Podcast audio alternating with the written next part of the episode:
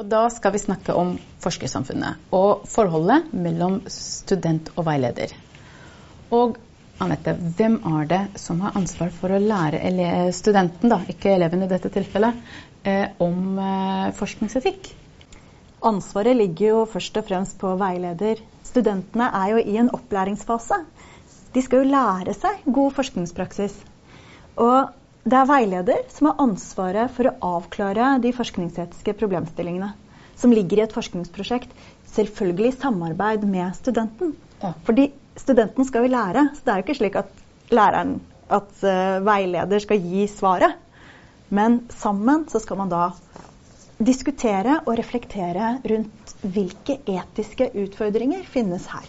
Ja.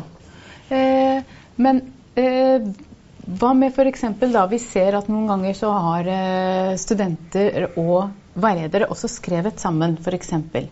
Eh, altså, og så er prosjektet eid av veileder i utgangspunktet. Hvordan blir de reglene der? Altså, kan det bli noen uklarheter der? Eh, når veileder bruker Det er jo studentens materiale. Det er ikke veileders materiale. Selv om veileder er ansvarlig, så er det studentens materiale. Så det må man avklare så tidlig som mulig, som, altså medfatterskap.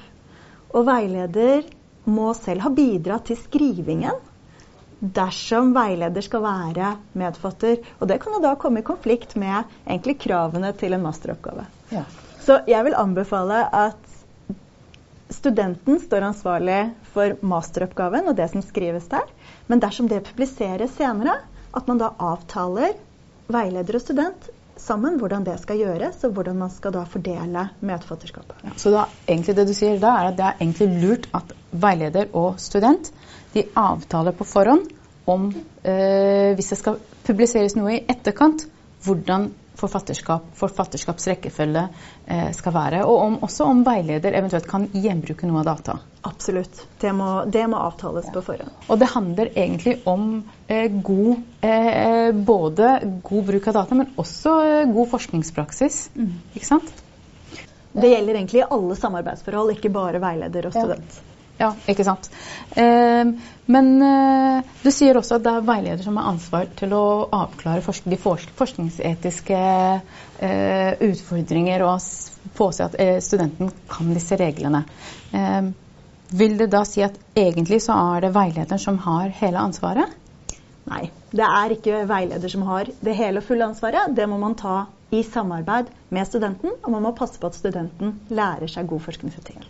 Så for å oppsummere da, så er det veilederen som har mye av ansvaret, men studenten har også en del av ansvaret. Stemmer det? Ja.